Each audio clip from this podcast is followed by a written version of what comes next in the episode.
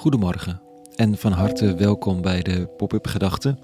Ik ben Rico en ik schrijf overwegingen om de dag mee te beginnen. Vandaag met de titel: Jouw bevrijding is verbonden met de mijne. Pop-up Gedachten dinsdag 18 april 2023.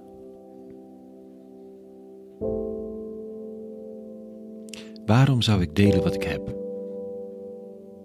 Dat wat ik heb, daar heb ik hard voor gewerkt. En ik heb al aardig wat kruiwagentjes met zuurverdiend geld op de grote hoop van de Belastingdienst gekwakt. Me dunkt dat je niet kunt zeggen dat ik niet solidair zou zijn. Zelf verdiend en al delen in de verplichte afdracht.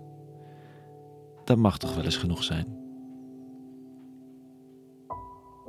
En toch blijven we delen. Niet iedereen, niet altijd, maar of het nu Giro 55 is of een bedremmeld kind aan de deur met een collectebus. De neiging om te delen is groot. Al kun je ook altijd zeggen dat het te weinig zou zijn en daar een punt van maken. Nu even niet. Nu even zien dat mensen die cultureel toch aardig getraind zijn in het idee van recht hebben op en, en, en dit is van mij.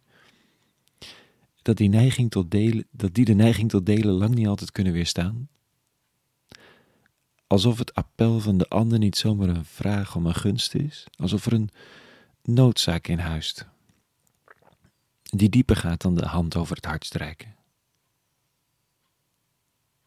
Een quote die al een jaar of wat met me meereist is de uitspraak van Lilla Watson. Iemand uit de oorspronkelijke Australische bevolking, een groep die het ongelooflijk moeilijk heeft en in wiens gelederen de kolonisten op onafvolgbaar ziek brute wijze hebben huisgehouden. Zij zegt: If you came here to help me, don't bother. Als je kwam om me te helpen, sorry, laat maar zitten. If you came because you realized that your liberation is bound up with mine, then let's work together. Als je kwam omdat je weet dat jouw bevrijding onlosmakelijk verbonden is aan de mijne, laten we dan samenwerken. Er is iets scheefs aan de bibberende noodzaak van de uitgestoken hand die vraagt om een gunst. En de vrijheid van de gever die mag doen met het zijne wat hij of zij wil. Ware dan. Het is in die zin scheef dat het niet waar is. De gever voelt zich lang niet altijd vrij en is lang niet altijd vrij. Er is die morele stem in het geweten, de verbondenheid als mensen je moet echt je best doen om je van die verantwoordelijkheid los te knippen, bijna alsof je een stukje van je mens zijn opgeeft.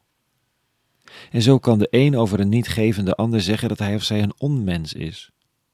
Terwijl in het culturele jargon iemand toch echt mag doen met de zuurverdiende centen wat hij of zij wil.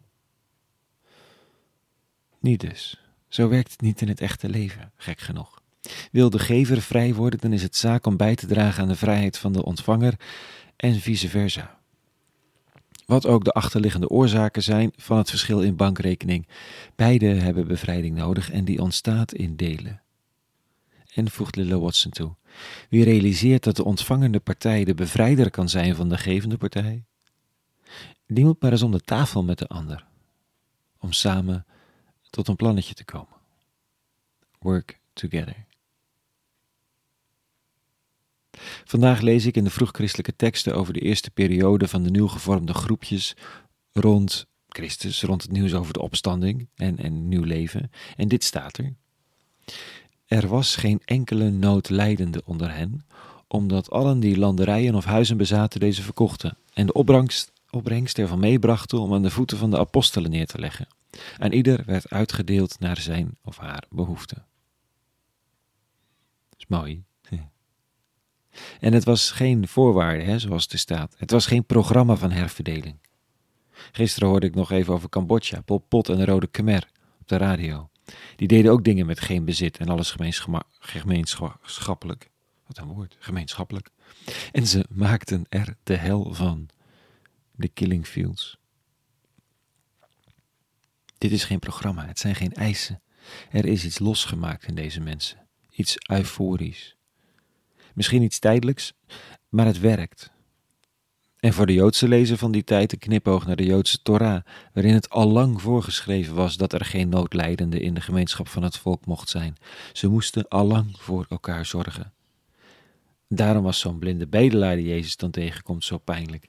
Het feit dat hij moest bedelen was een teken van het verval van de godsdienst. Ze waren geraakt, die vroege christenen. Omdat ze niet meer bezig waren met overleven in deze wereld en eruit halen wat eruit te halen viel.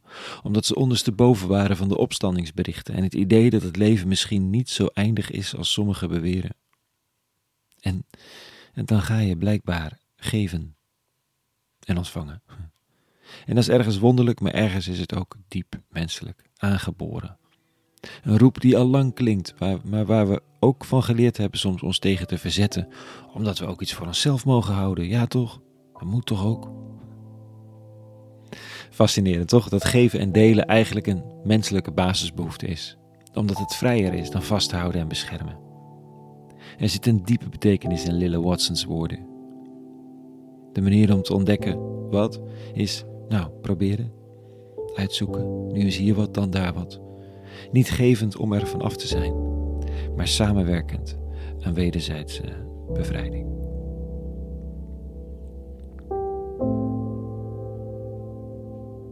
Tot zover vandaag. Een hele goede dinsdag gewenst. En vrede en alle goeds.